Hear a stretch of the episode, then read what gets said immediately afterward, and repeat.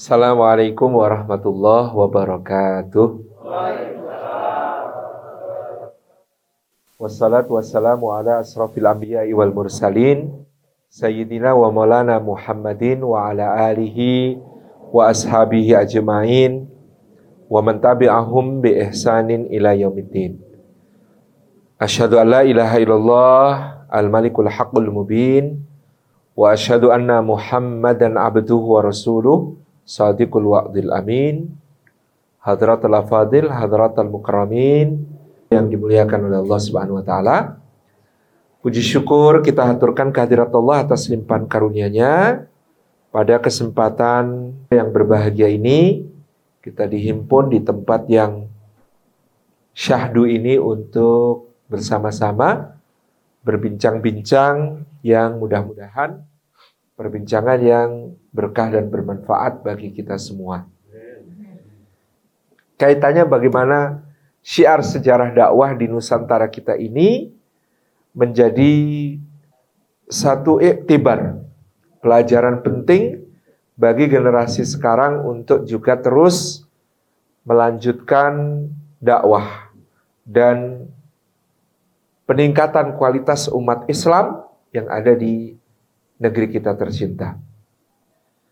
Kemarin kita sampaikan bagaimana para wali berdakwah dengan hikmah dengan kebijaksanaan yang luar biasa dalam berbagai bidang, termasuk di dalam bidang politik, di mana mereka, para wali, menahan dan mencegah agar jangan sampai Demak yang dipimpin oleh Raden Patah melakukan agresi atau bersifat menyerang kepada kerajaan Majapahit yang ada pada masa itu. Dengan hikmahnya adalah bahwasanya Raden Patah bagaimanapun juga adalah putra Raja Majapahit, berdarah Majapahit. Sementara orang Jawa diasumsikan sebagai orang-orang yang sangat memuliakan leluhur, yang sangat menghormati orang tua dan nenek moyang.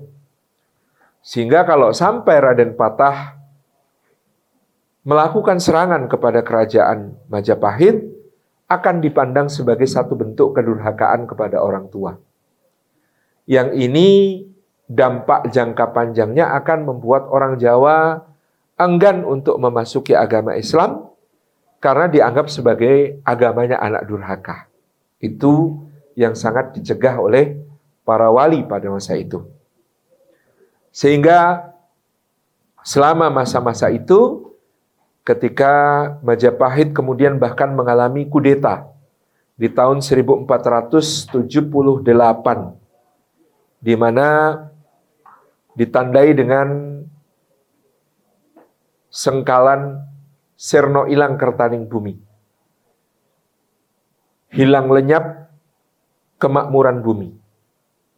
Serno melambangkan angka 0, ilang juga melambangkan angka 0, kertaning, kerto, makmur itu melambangkan angka 4, dan bumi itu melambangkan angka 1.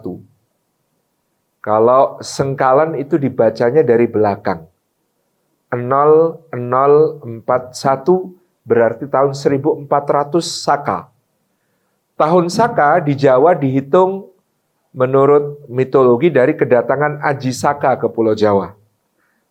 Itu terjadi pada tahun 78 Masehi. Sehingga tahun 1400 Saka itu ekivalen dengan tahun 1478 Masehi. Pada tahun itu, sengkalan Sirno Ilang Kertaning Bumi telah hilang lenyap kemakmuran bumi ini, tidak menggambarkan adanya serangan dari Demak kepada Majapahit, melainkan adanya kudeta di Majapahit yang dilakukan oleh Girindrawardana Dyah Ranawijaya dari Keling, dari daerah Kediri sekarang kepada pemerintah pusat Majapahit yang diasumsikan berada di Trowulan. Jadi dari Kediri ke Mojokerto terjadi kudeta. Sehingga kemudian bertahtalah Girindrawardana Dyah Ranawijaya yang diasumsikan mengkudeta Dyah Suraprabawa yang dalam babat Tanah Jawi disebut sebagai Brawijaya kelima.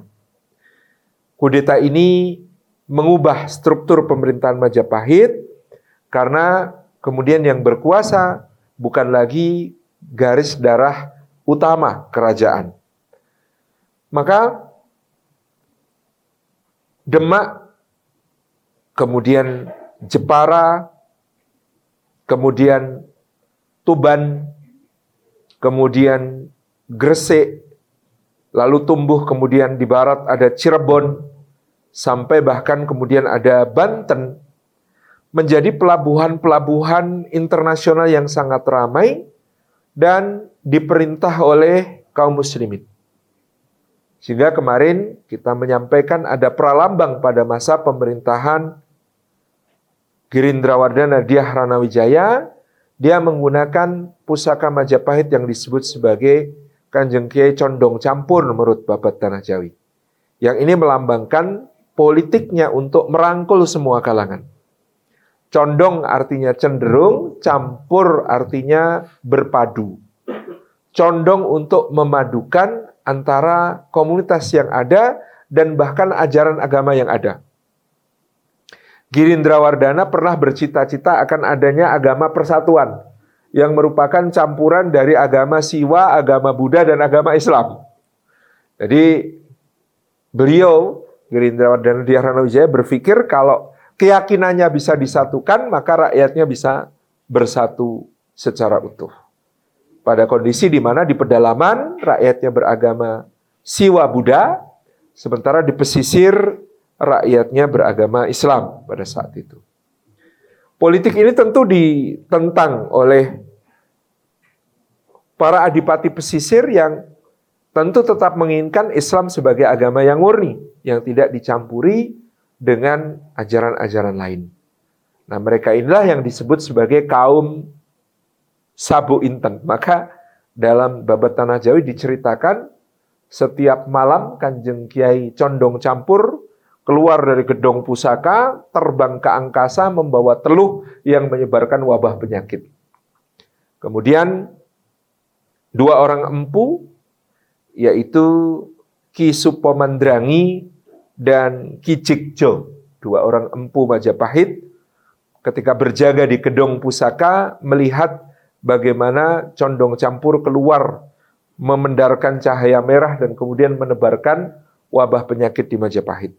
Maka Ki Jikjo melepas kerisnya yang bernama Kiai Sabu Inten tadi. Sabu Inten ini ya, diceritakan sebagai kerisnya Empu Jikja dan Empu Jikja ini memang dekat dengan para penguasa pesisir muslim yang taat. Demikian pula Supo Mandrangi yang merupakan sepupunya. Ternyata condong campur berhasil mengalahkan Sabu Inten. Sehingga Sabu Inten itu dari semula luknya 13 patah sepasang luknya menjadi tinggal 11.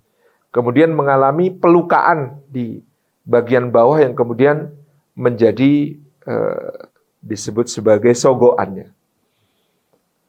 Maka Sabu Inten turun Kemudian melesatlah Kanjeng Kiai Ageng Sengkelat. Ya, sengkelat ini kerisnya Supo Mandrangi. Ya. Para penafsir babat mengatakan sengkelat dari kata sengkeling ati.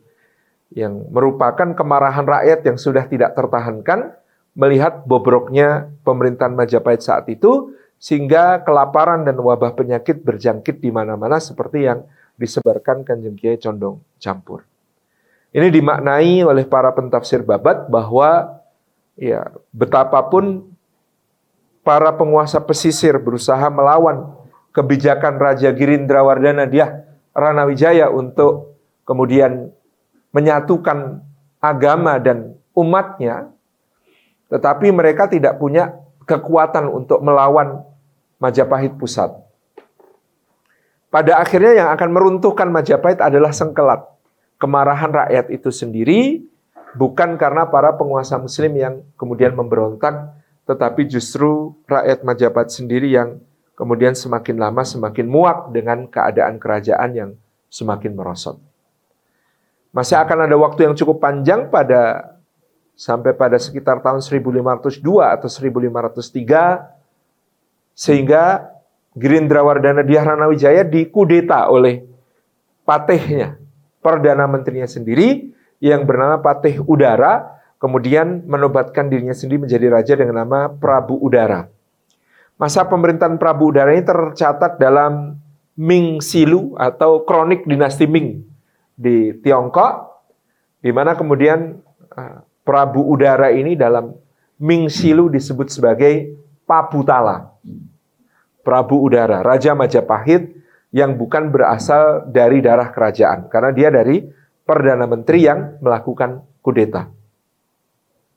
Berbeda dengan Gerindra Wardana Rana Wijaya yang sangat akomodatif, ingin merangkul, ya bahkan ingin menyatukan agama dan kepercayaan, maka udara sangat agresif melakukan pendekatan konfrontatif kepada para adipati pesisir yang dianggap dan dimusuhi karena beragama Islam dan juga tentu karena dianggap merongrong kewibawaannya. Bahkan udara melangkah lebih jauh dengan mengadakan penyerbuan ke Giri Kedaton. Giri Kedaton adalah pesantren Sunan Giri yang ada di perbukitan Giri di Gresik. Penyerbuan ke Giri Kedaton ini diceritakan dalam babat secara gegap gempita dan menunjukkan bagaimana kehebatan Sunan Giri dalam diplomasi dan dalam mengatur strategi sehingga meskipun hanya ada para santri di Giri Kedaton pada saat itu diceritakan beliau yang sedang menulis merasa terganggu dengan serbuan pasukan Majapahit maka beliau yang sedang menulis ini melemparkan penanya, kalam, ya, kolamnya ke udara, kemudian berubah menjadi kanjeng Kiai Kolomunyeng. Disebut Kolomunyeng, kolam, pena, munyeng membuat bingung. Kalam, ucapan, munyeng membuat pusing. Ya, maka disebut sebagai pusaka yang menghancurkan pasukan Majapahit, yang membuat mereka saling serang satu sama lain, saling bunuh satu sama lain. Ya. Memang Babat Tanah Jawi disusun di Surakarta oleh dinasti Mataram yang tentu berkepentingan untuk meluhurkan dan menjaga nama baik Sunan Giri sebagai salah satu leluhurnya karena Nyai Ageng Sabinah, ibunda Panembahan Senopati, pendiri dinasti Mataram, itu adalah cicit dari Sunan Giri. Sehingga kemudian dalam hal ini digambarkan dengan metafor keris Kiai Kolomunyeng. Kalau ditulis harfiah mungkin dikhawatirkan orang akan membaca ternyata Sunan Giri itu provokator ulung gitu. Ternyata Sunan Giri ini pandai memecah belah dengan omongan gitu ya. Pandai kemudian mengadu domba dengan bicaranya. Itu kita kalau membaca babat dengan metafor, dengan memaknai metafor, ini tentu menjadi faham seperti apa keadaan ketika itu. Penyerbuan ke Giri Kedaton menjadikan Demak memiliki alasan untuk memaklumkan perang kepada Majapahit pada saat itu, sehingga kemudian uh, pasukan Demak justru didukung oleh rakyat. Karena pada saat itu diperlihatkan bagaimana Raden Patah sebagai uh, keturunan Majapahit memerintah pesisir dengan adil dan keadaan masyarakatnya yang makmur, ya dan kekuasaannya legitimit karena merupakan penerus Majapahit. Sementara Majapahit sendiri diperintah oleh seorang yang tidak berdarah Majapahit, yaitu Prabu Udara dan kondisinya carut marut secara politik maupun ekonomi, sehingga kemudian rakyat justru berduyun-duyun bergabung dengan Demak untuk kemudian ya akhirnya menamatkan kerajaan Majapahit meskipun menurut uh, Profesor Slamet Mulyana Majapahit baru akan berakhir secara resmi kira-kira pada tahun 1527 pada masa pemerintahan putra Raden Patah yang bernama Sultan Trenggono di Demak. Jadi masih ada proses panjang bagaimana dakwah kemudian tuntas masuk ke pedalaman. Tetapi pada tahun 1503 tersebut ya terjadi apa yang disebutkan ya seperti tergambar di Jawa itu terjadi apa yang kemudian menjadi cermin kecil dari apa yang disebutkan oleh Al-Qur'an, "Idza jaa nasrullahi wal fath wa ra'aitan nasa yadkhuluna fi dinillahi afwaja fasabbih bihamdi rabbika wastaghfir innahu kana tawwaba." Bagaimana kemudian berduyun-duyun masyarakat atas hidayah dan pertolongan dari Allah itu memasuki agama Islam. Terlebih pada masa itu pergiatan dakwah terjadi sampai ke pelosok-pelosok dilakukan dengan pendekatan budaya seperti yang sudah kita singgung kemarin. Salah satu wali utama yang membawa dakwah ke pedalaman adalah Kanjeng Sunan Kalijaga yang kemudian menggunakan berbagai wasilah budaya dan seni untuk mengajak masyarakat berduyun-duyun menerima Islam. Jadi yang terpenting bagaimana bersyahadat dulu, pembinaan keislaman meningkatkan pemahamannya perlu perlu terus dilakukan dengan tarbiyah lanjutan. Itu yang diupayakan oleh Sunan Kalijaga. Maka wayang menjadi satu inovasi yang menarik. Bagaimana beliau menepis ya keraguan fikih tentang akidah ya, dari uh, wayang yang merupakan produk susastra dari India tetapi sudah hidup begitu lama di Jawa dan bahkan peristiwa-peristiwa dan tokoh-tokoh wayang diidentifikasi oleh orang di Nusantara sebagai yang terjadi di masa mereka. Maka kemudian ya, adaptasi dalam Islam itu kita akan menemukan apa yang disebut sebagai silsilah pangiwo dan panengen. Kalau dahulu di masa Hindu, dewa-dewa ini ya betul-betul dewa dan sesembahan yang dipuja. Pada masa Islam bahkan dewa-dewa ini diletakkan dalam silsilah sebagai keturunannya Nabi Adam alaihissalam. Jadi kalau kita di babat membaca silsilah Pangiwo dan Panengan kita menemukan ya misalnya Kanjeng Nabi Adam peputra Kanjeng Nabi Sis, Kanjeng Nabi Sis peputra Sayyid Anwar lan Sayyid Anwas. Sayyid Anwas anurunake nabi-nabi. Nah, Sayyid Anwas nos ya kalau di Bible nos itu menurunkan silsilah para nabi dan rasul sampai kepada Bani Israel dan bahkan juga Nabi Muhammad SAW. Sementara Sayyid Anwar itu menurunkan dewa-dewa Jawa gitu ya. Peputra Sang Hyang Wenang, peputra Sang Hyang Tunggal, Sang Hyang Tunggal peputra ya eh, Antogo, Ismoyo, Manikmoyo, gitu ya.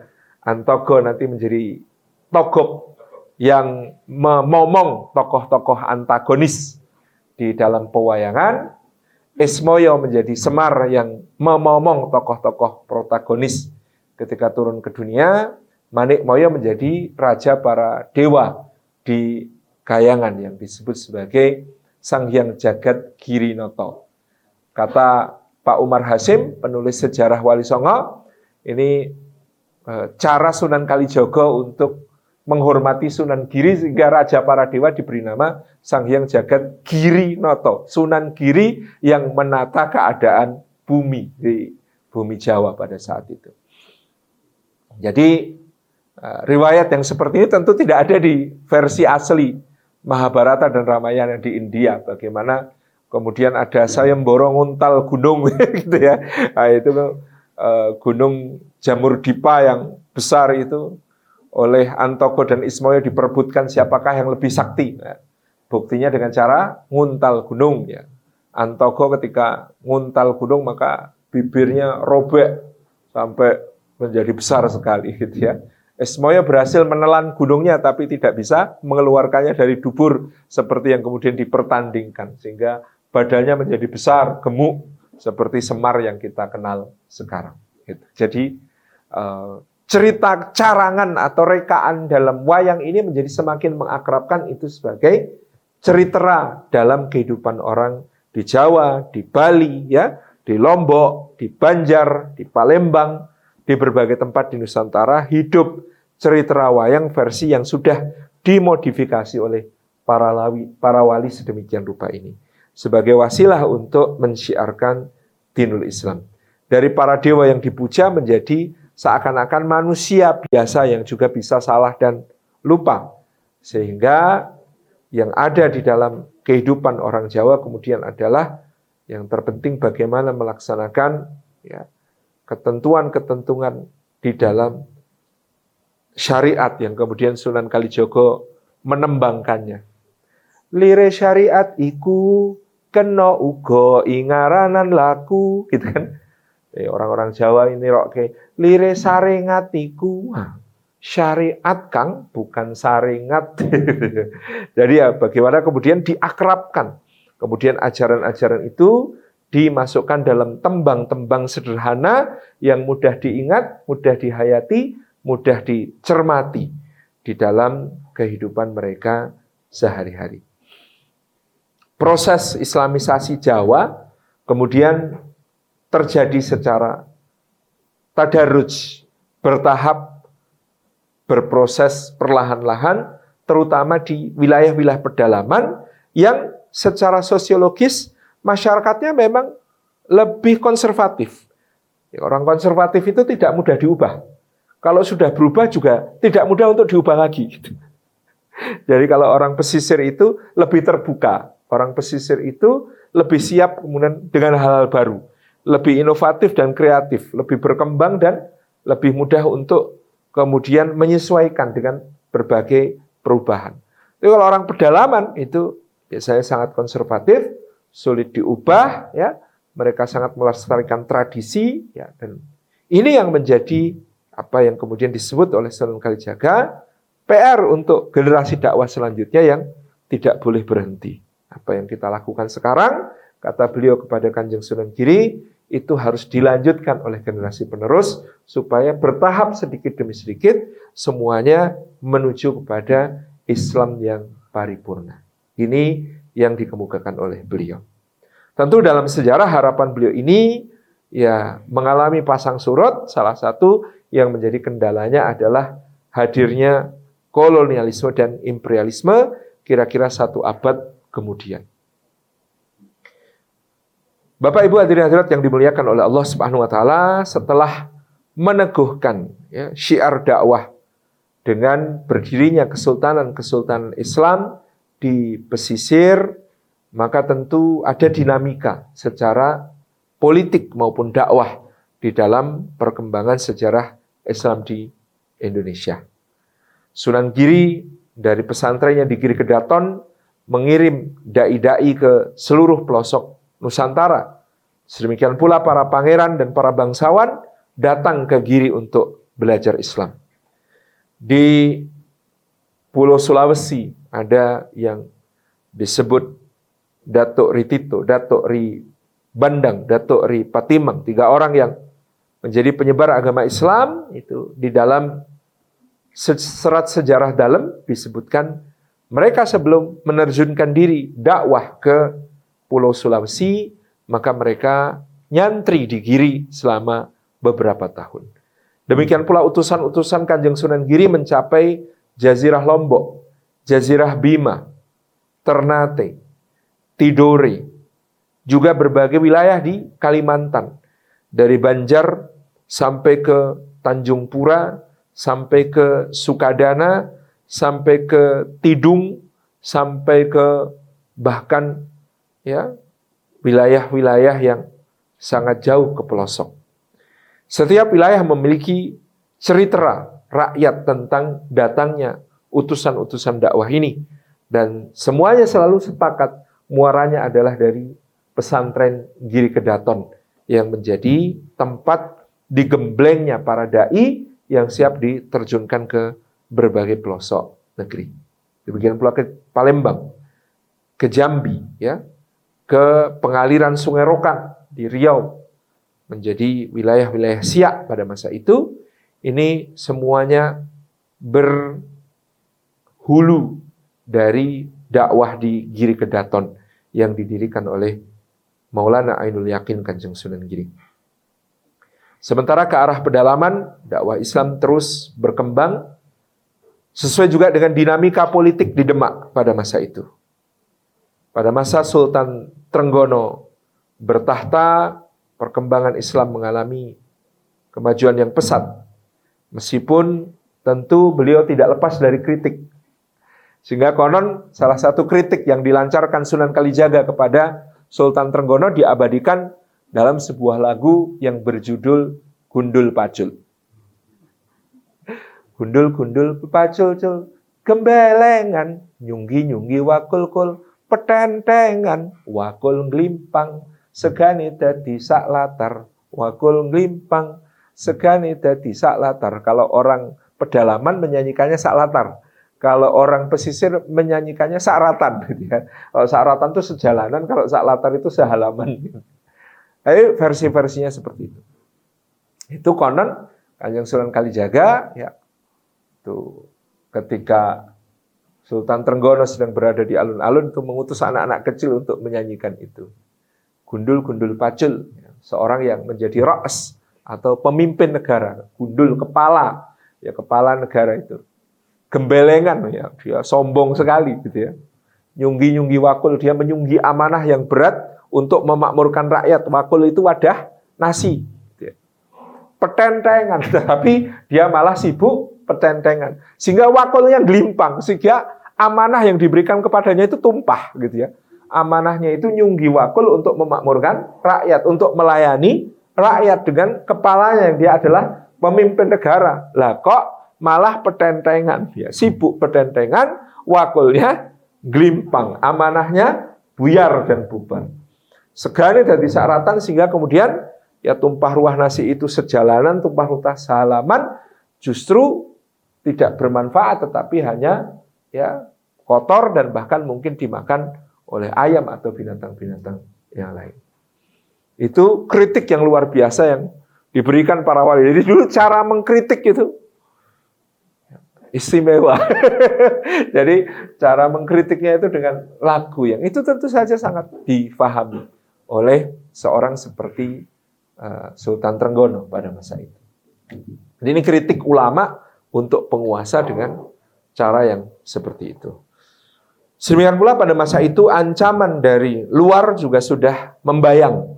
Ketika pada tahun 1511 kemudian Portugis menguasai Malaka bandar perdagangan yang menjadi transito akbar jalur rempah-rempah internasional.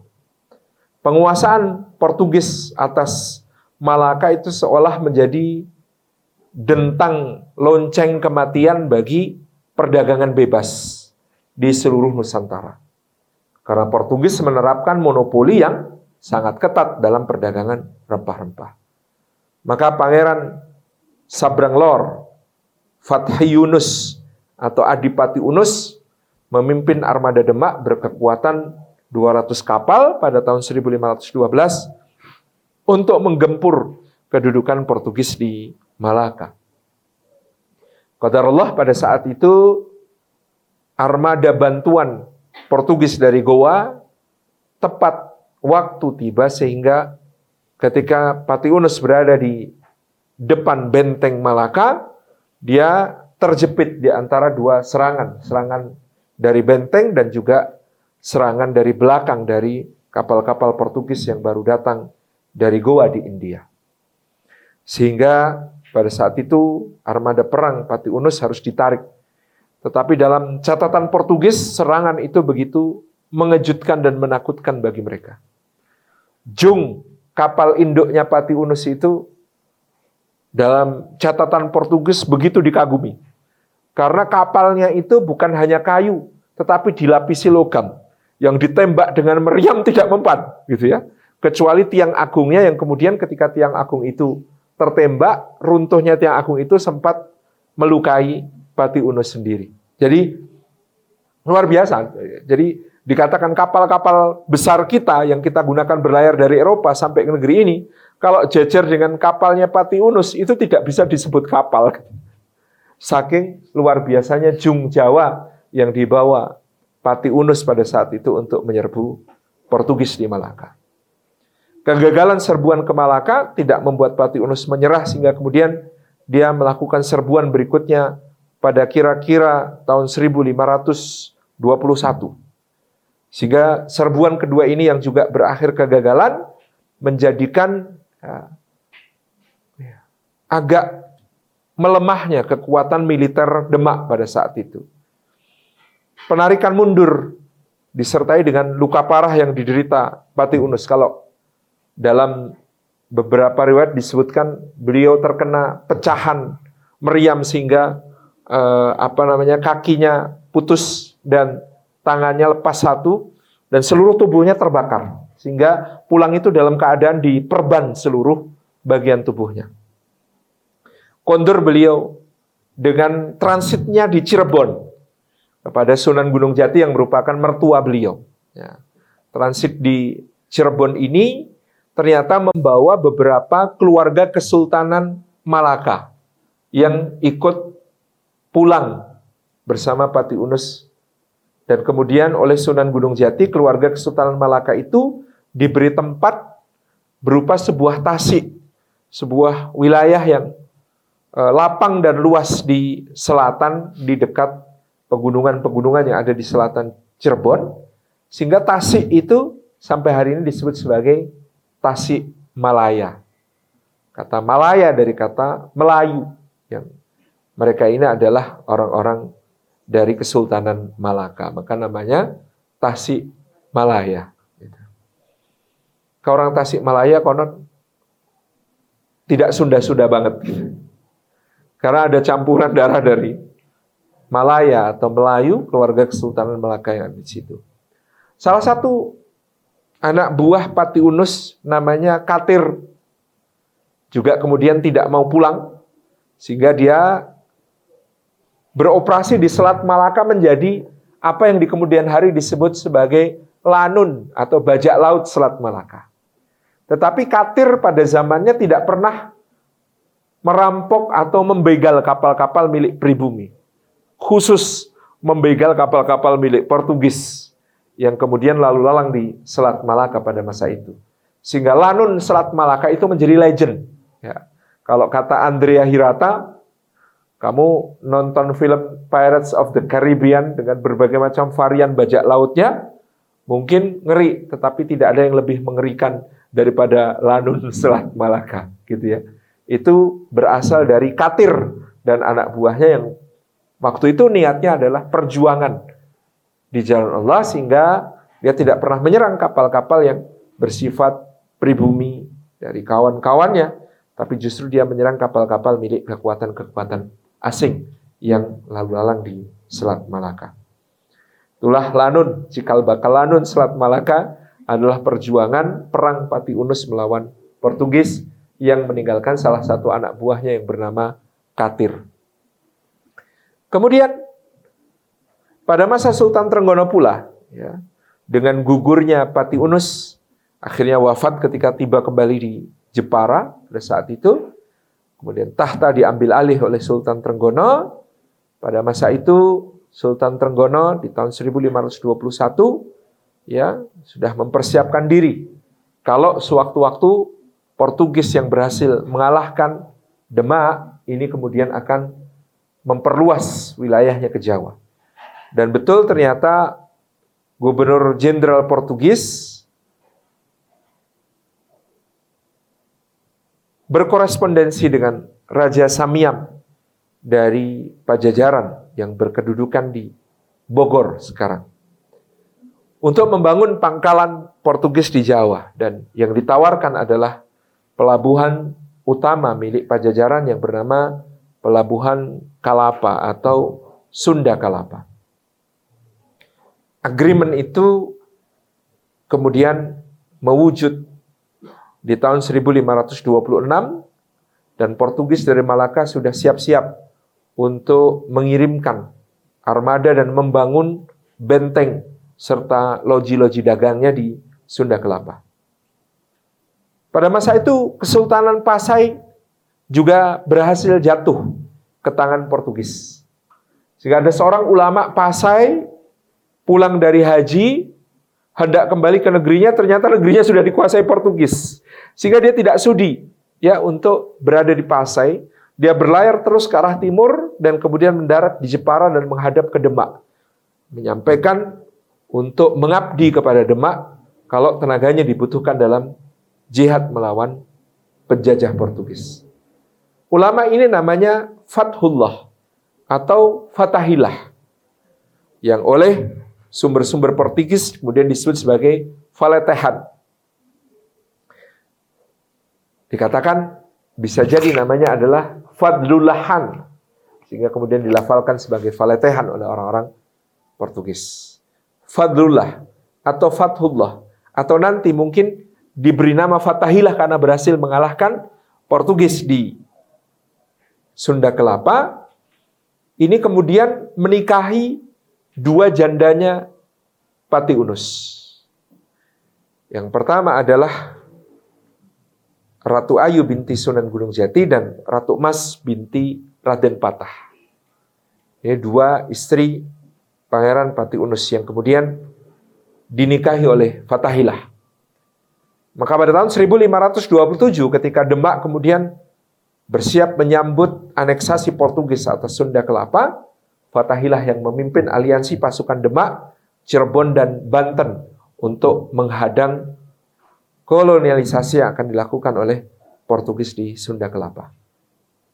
22 Juni 1527 menjadi hari kemenangan yang gilang gemilang bagi armada gabungan tersebut memukul mundur orang-orang Portugis dari Sunda Kelapa yang sejak saat itu diberi nama Fathan Mubinan atau kemenangan yang gilang gemilang yang dalam bahasa Jawa disebut Jaya Karta. Jaya artinya menang, Karta artinya gilang gemilang. Konfrontasi dengan Portugis ini menjadi bukti bagi kita bahwa sejak awal yang memiliki kepedulian tentang berbahayanya kolonialisme dan imperialisme adalah umat Islam. Para ulama dan umaraknya umat Islam. Ini ditunjukkan oleh armada gabungan yang dipimpin oleh Pati Unus yang ternyata melampaui batas-batas geografis maupun politik. Karena ketika dipimpin oleh Pati Unus, armada yang bergabung itu termasuk ada armada Aceh, Jambi, Palembang, Cirebon, Banten, Gresik, Bugis, Banjar, dan lain sebagainya. Jadi bahkan dari wilayah-wilayah yang bukan merupakan wilayah Kesultanan Demak, banyak yang bergabung menjadi satu. Inilah yang disebut oleh Hamka dalam sejarah umat Islam di Indonesia sebagai Islam itu unsur pemersatu yang tidak bisa dibantah. Bahkan sejak ketika masa di Nusantara kita berdiri kerajaan-kerajaan yang banyak. Tetapi ketika dipersatukan Islam dalam semangat jihad melawan kolonialisme dan imperialisme, maka semua bisa bergerak dengan kompak. Itu yang dicatat oleh Hamka. Jadi ruh persatuan, jadi bangsa kita dari Sabang sampai Merauke itu tidak bisa dibantah berasal dari Islam.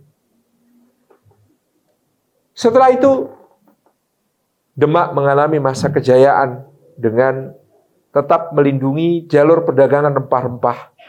Dan karena posisi Malaka yang diduki oleh Portugis, maka jalur perdagangan pedagang-pedagang muslim internasional beralih ke pantai barat Sumatera dan memutar di Selat Sunda di mana kemudian Banten menjadi pelabuhan terpenting, menjadi pelabuhan terkaya pada masa itu.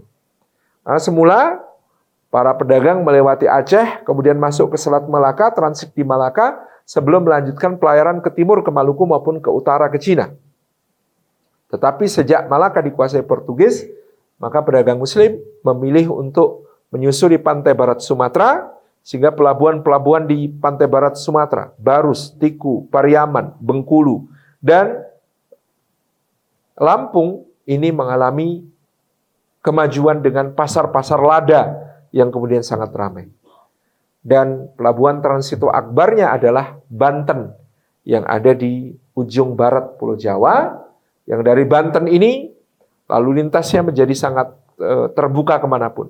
Banten ke utara lewat Palembang terus meneruskan ke arah Cina bisa, Banten ke timur bisa melalui Jepara, kemudian ke Makassar, kemudian ke Maluku.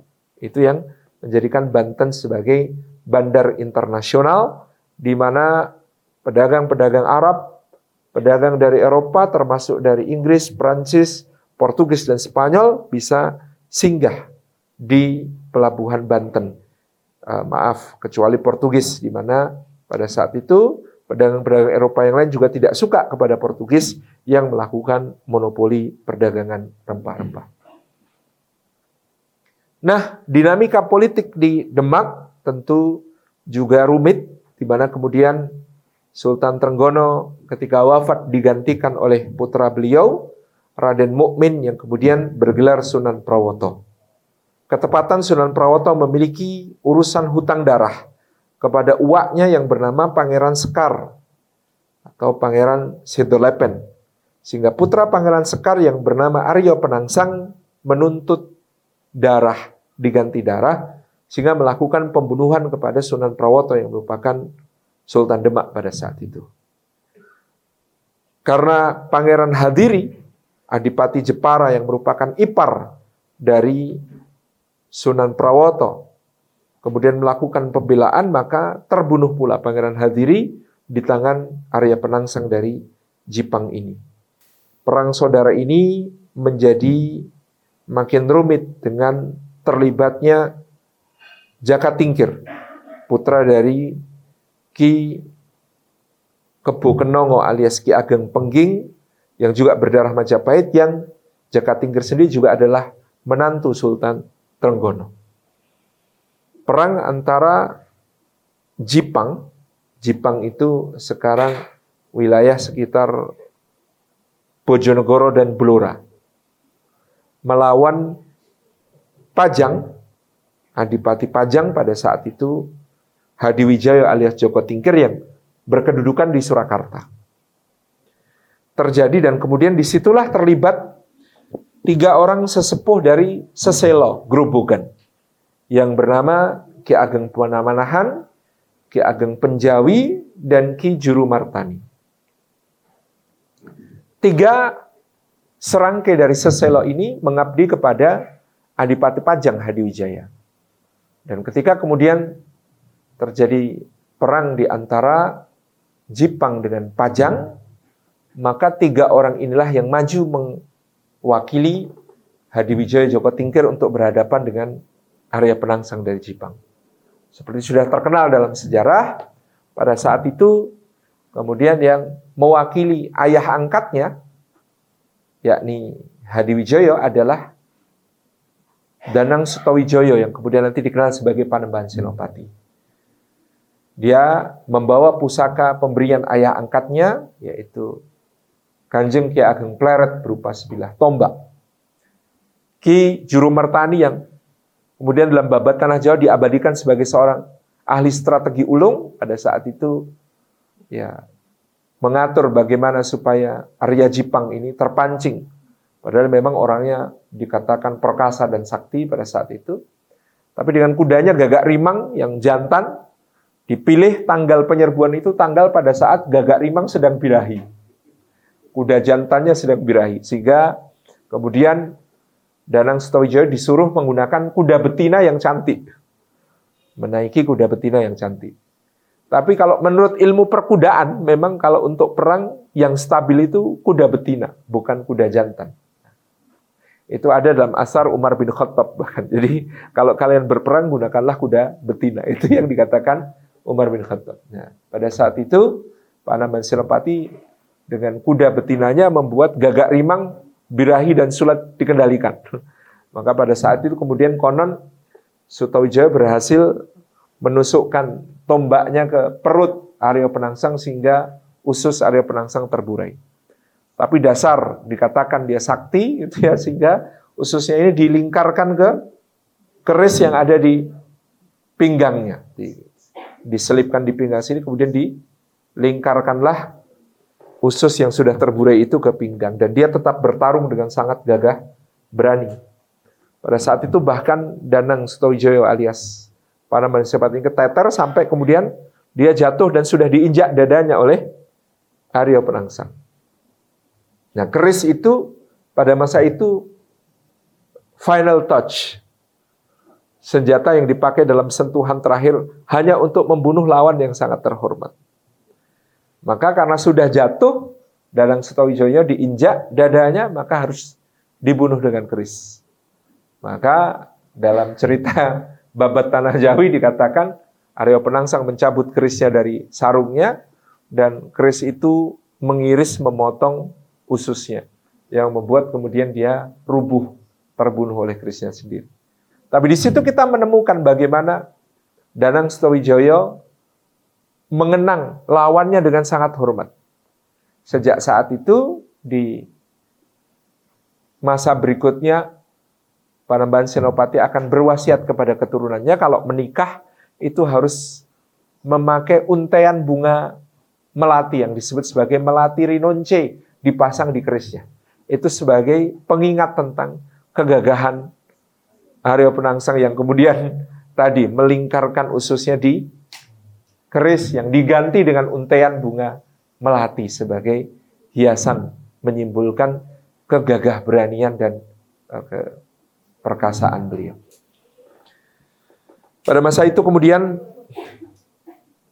pusat kerajaan oleh Hadiwijoyo setelah tantangan dari Aryo Penangsang ini sirap dipindahkan dari pesisir di Demak menuju ke pedalaman di Pajang.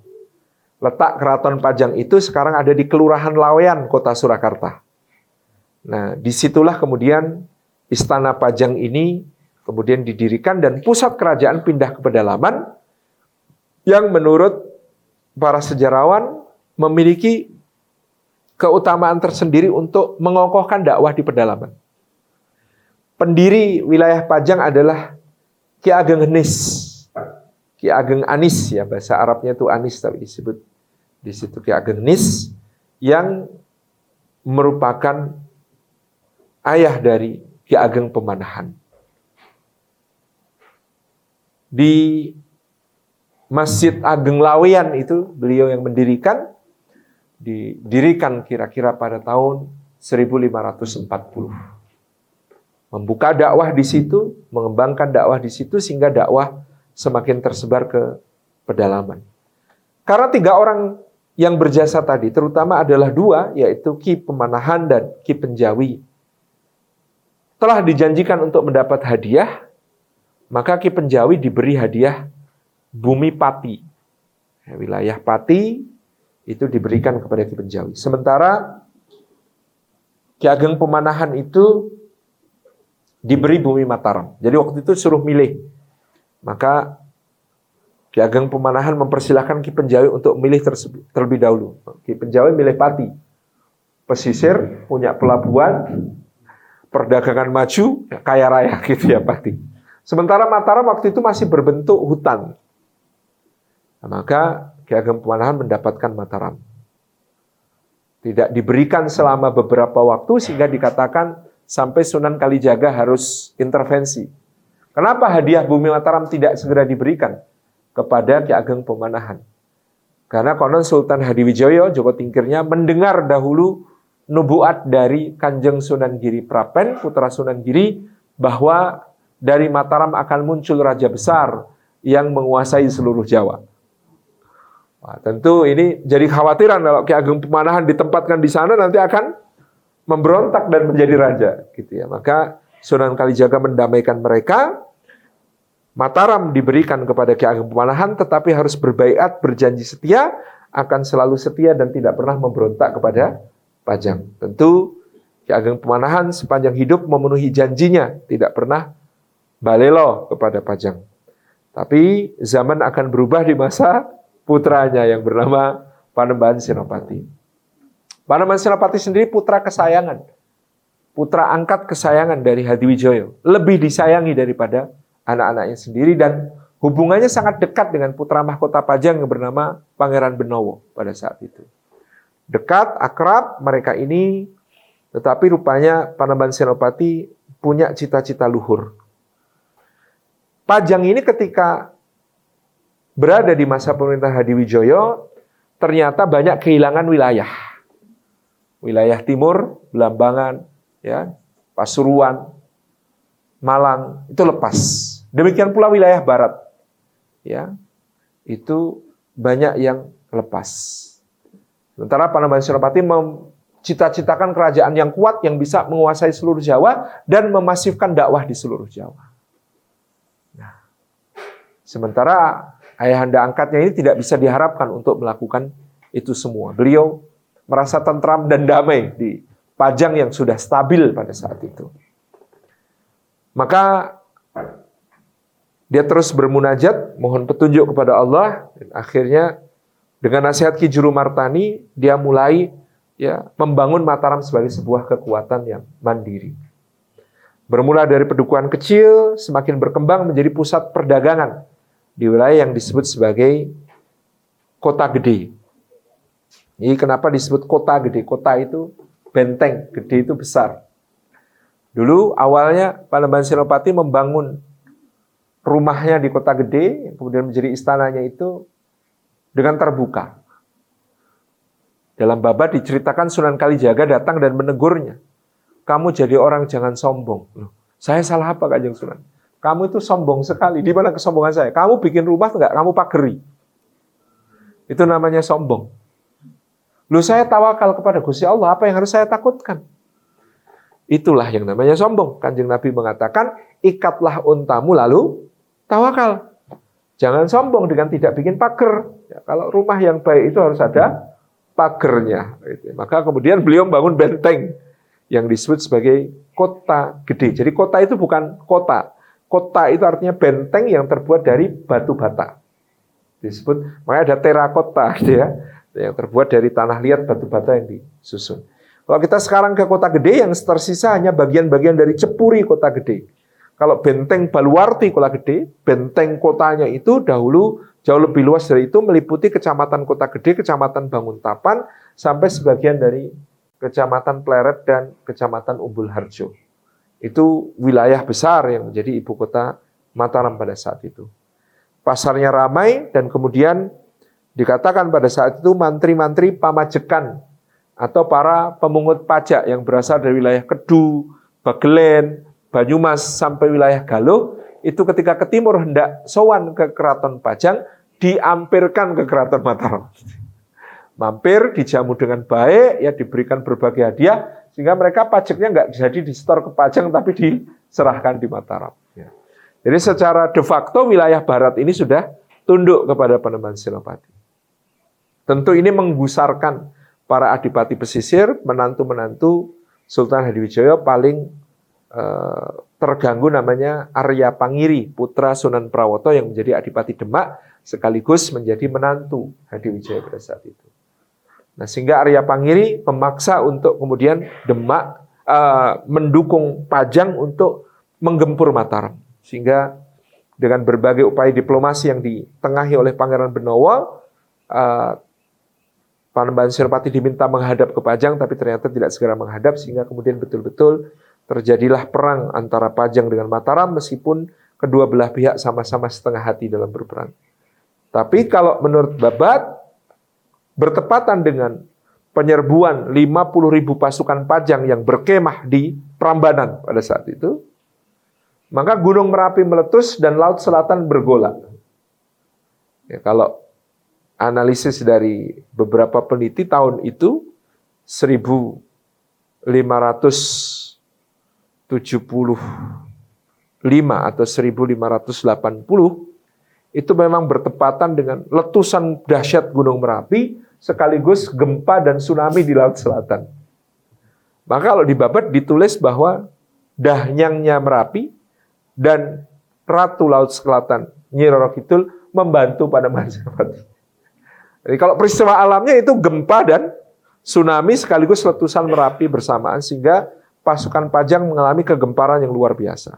Sementara pasukannya Panembahan Senopati yang hanya 3.000 orang diperintahkan untuk membawa obor ke atas perbukitan Boko. Itu obornya itu satu orang pasukan bawa lima obor. Dibikin pelantangan lima obor. Sehingga kekuatan pasukan Mataram itu dianggap lima kali lipat lebih besar daripada yang sebenarnya. Sehingga geger pada saat itu sehingga pasukan Pajang ditarik mundur, Hadi Wijaya terjatuh dari gajah dan kemudian sakit dan akhirnya wafat. Di Pajang terjadi suksesi politik yang tidak mulus karena ternyata eh, Adipati pesisir dan para ulama pesisir mendukung Arya Pangiri menyingkirkan hak Pangeran Benowo sebagai pewaris tahta dan Pangeran Benowo dibuang ke Jepang pada saat itu. Maka Pangeran Benowo akhirnya nanti meminta tolong pada Panembahan Senopati untuk memulihkan haknya sekaligus untuk ya karena kondisi Pajang di bawah Arya Pangiri banyak ketidakadilan, banyak kesimpang siuran dan bahkan ya kemakmuran merosot drastis. Sehingga dengan dukungan Panembahan Senopati, Pangeran Benowo ya merebut tahta Pajang, kemudian didudukkan sebagai Sultan Pajang oleh Panembahan Senopati.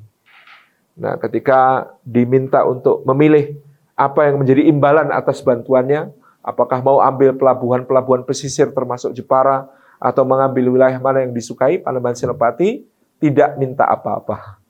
Tetapi justru kemudian karena dipaksa-paksa, mau minta apa, akhirnya bawa pusaka. Ya pada saat itu ada lima pusaka yang kemudian diserahkan oleh Pangeran Benowo kepada Panembahan Senopati. Dan pusaka ini kemudian dikirap, diarak dari keraton Pajang menuju ke Mataram. Sehingga itu adalah simbol bagi rakyat.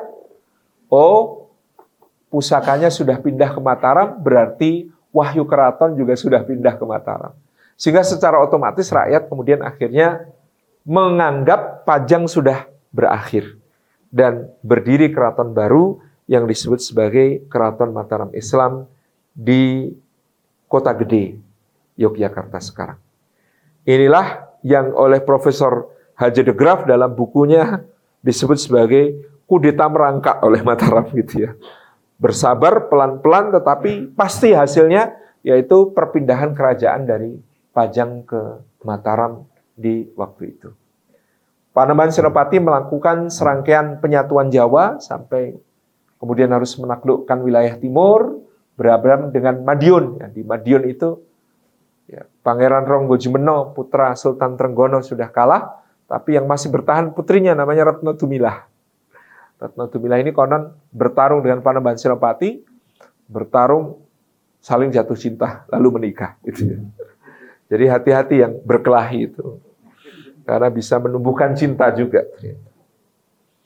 Mataram semakin kokoh di bawah pemerintahan putra Panembahan Senopati yang bernama Panembahan Hanyokrawati. Pada tahun 1613 Panembahan Hanyokrawati meninggal ketika sedang berburu di hutan Kerapia. Dalam babat disebut disrutuk banteng. Ya, meskipun ada beberapa interpretasi atas itu. Misalnya bahwa banteng Mataram itu namanya Pangeran Purboyo. Jadi ada yang menginterpretasikan berarti ketika itu uh, Panembahan Kroati dibunuh oleh uh, adiknya lain ibu yang bernama Pangeran Purboyo. Karena memang kondisinya pada saat itu Panembahan Kroati ini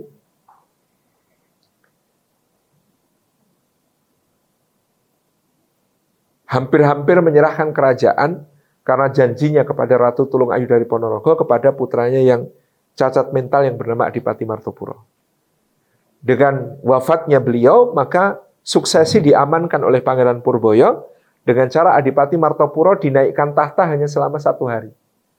Kemudian putra penembahan Hanyokrawati dari Ratu Ayudiah Banowati, putri Pangeran Benowo, yang bernama Raden Mas Rangsang, yang nanti akan bertahta sebagai Sultan Agung, kemudian dinaikkan menjadi sultan. Jadi secara de facto Sultan Agung itu raja ketiga.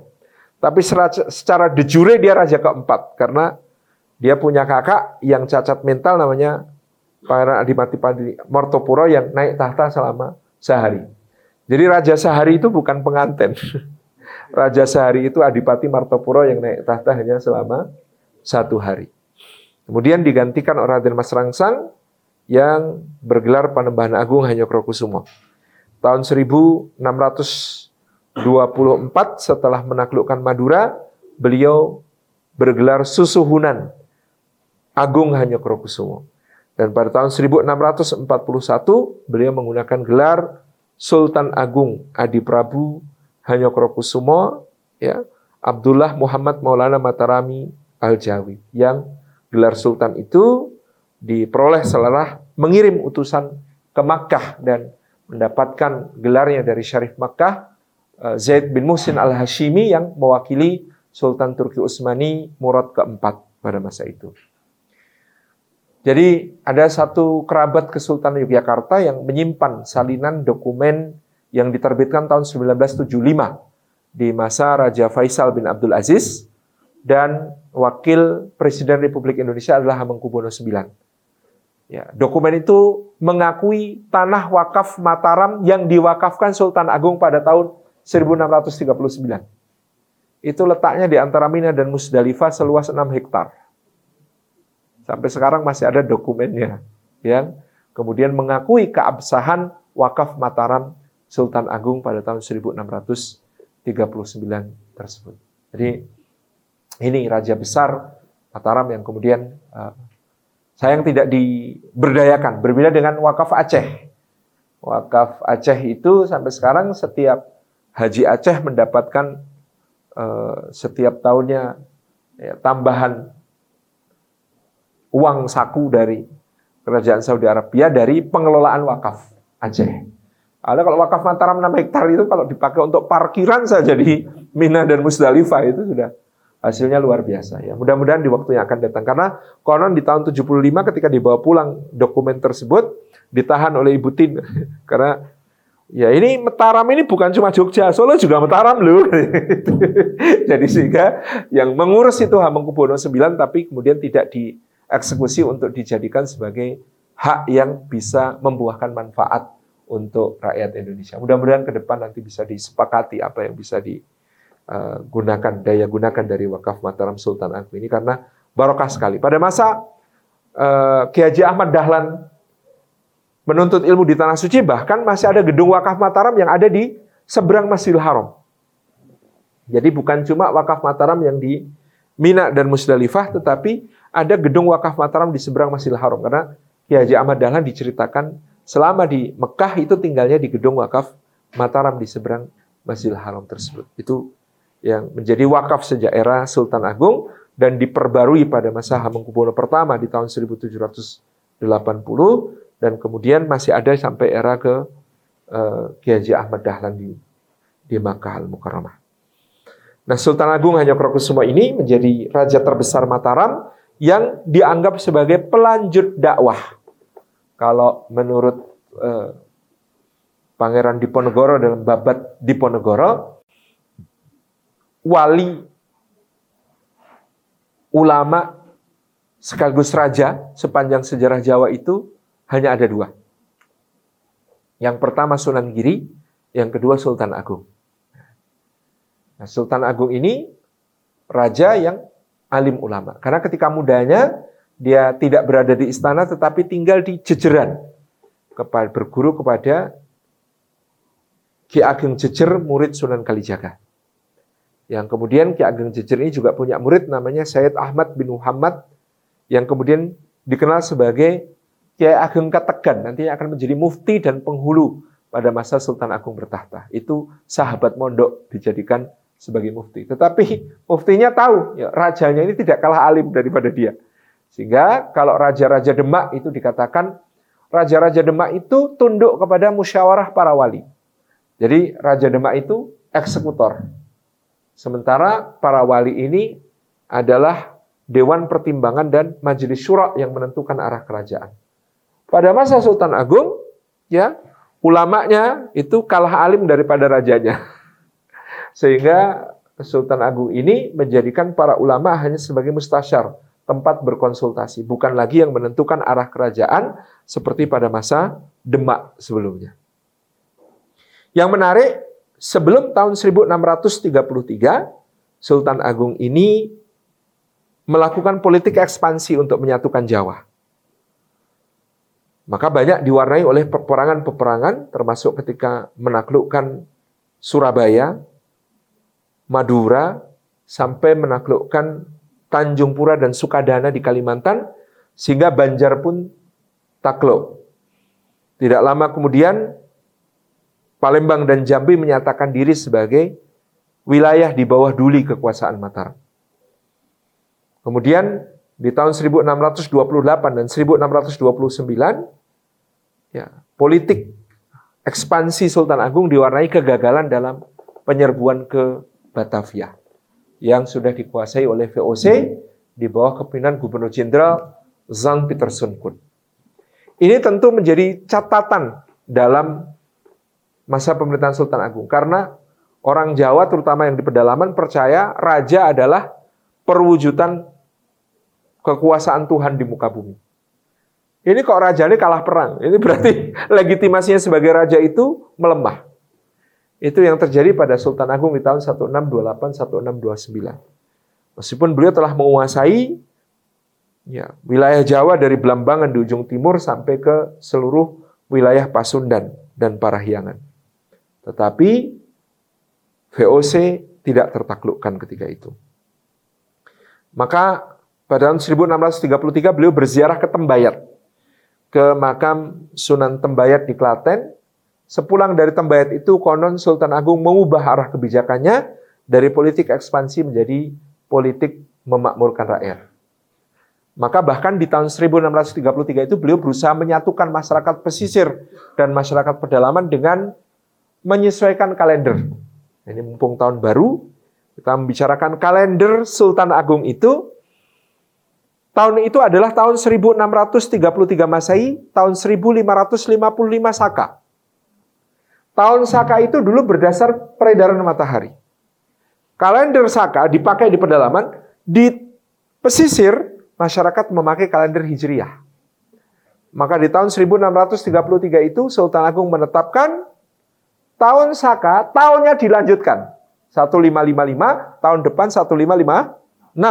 Tetapi diubah sistemnya dari tahun berdasar matahari, solar, menjadi tahun berdasar rembulan, lunar. Sehingga jadilah yang disebut sebagai tahun Jawa Sultan Agungan. Yang memiliki kerumitan siklus windu, kerumitan siklus pranoto mongso, kerumitan siklus eh, berbagai hal yang kemudian dia susun untuk tetap menata kemakmuran rakyat. Yang menarik, tahun Jawa Sultan Agungan berdasarkan kalender Hijriah ini ini menurut Profesor Thomas Jamaluddin dari Lapan dengan membandingkan data tahun 1950 sampai tahun 2000. Itu ternyata tahun Sultan Agungan ini awal Ramadan, awal Idul Fitri, dan Idul Adha, bulan Dhul Hijjah, itu perhitungan Sultan Agung adalah yang paling akurat terhadap ru'yatul hilal. Jadi kalender hisap yang lain, baik yang Muhammadiyah maupun Persis, kan kadang-kadang berbeda dengan ru'yatul hilal. Tapi kalender Sultan Agung ini nyaris selalu akurat dengan ru'yatul hilal. Maka sampai Profesor Thomas Jamaluddin pernah mengusulkan agar kalender Sultan Agung ini menjadi kalender Hijriyah Indonesia. Karena perhitungannya yang kemudian sangat akurat terhadap ru'yatul hilal di setiap tahun. Hal lain yang kemudian menjadi politik Sultan Agung dalam memakmurkan rakyat adalah mengenalkan sistem bersawah secara luas. Karawang dijadikan sebagai basis persawahan untuk nantinya persiapan lumbung padi dalam menyerbu VOC di Batavia. Maka orang Jawa diangkut ke Karawang untuk bertani. Dahulu budaya Pasundan itu ngahuma, bukan bersawah tetapi berkebun. Sejak Sultan Agung memerintah, maka sawah-sawah berkembang dari Kerawang di utara, terus dilebarkan ke selatan sampai ke Cianjur. Maka lumbung pangan Jawa Barat itu diakui semuanya adalah kreasi Sultan Agung pada zamannya.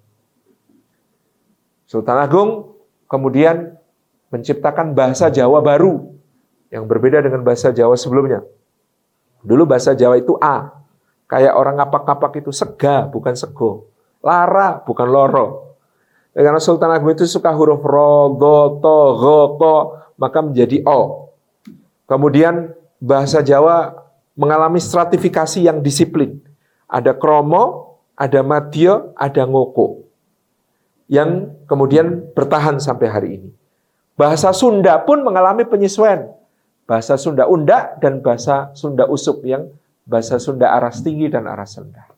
Demikian pula bahasa Jawa menjadi genre yang berkembang menjiwai bahasa Banjar, bahasa Palembang, dan bahasa Jambi.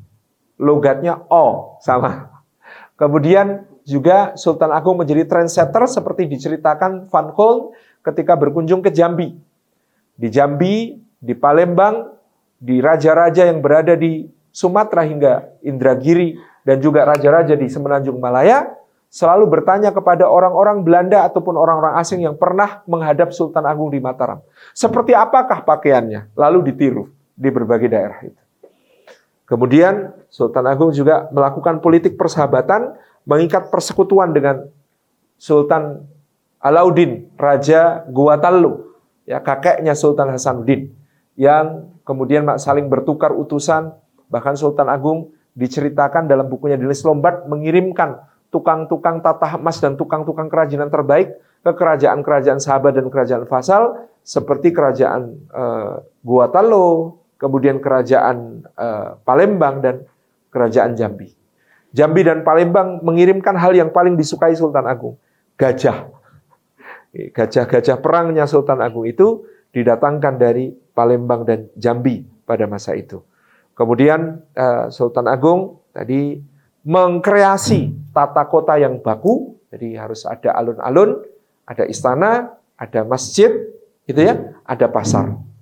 Ini catur gotro tunggal yang kemudian selalu ditetapkan. Kemudian beliau juga mengkreasi tata busana, mengkreasi tata buga yang semuanya diarahkan sebagai simbol-simbol syiar Islam yang selalu bertahan bisa dimaknai sampai hari ini. Kelihatannya baru sampai Sultan Agung itu pun belum terselesaikan secara paripurna. Saya kembalikan kepada pembawa acara. Wassalamualaikum warahmatullahi wabarakatuh.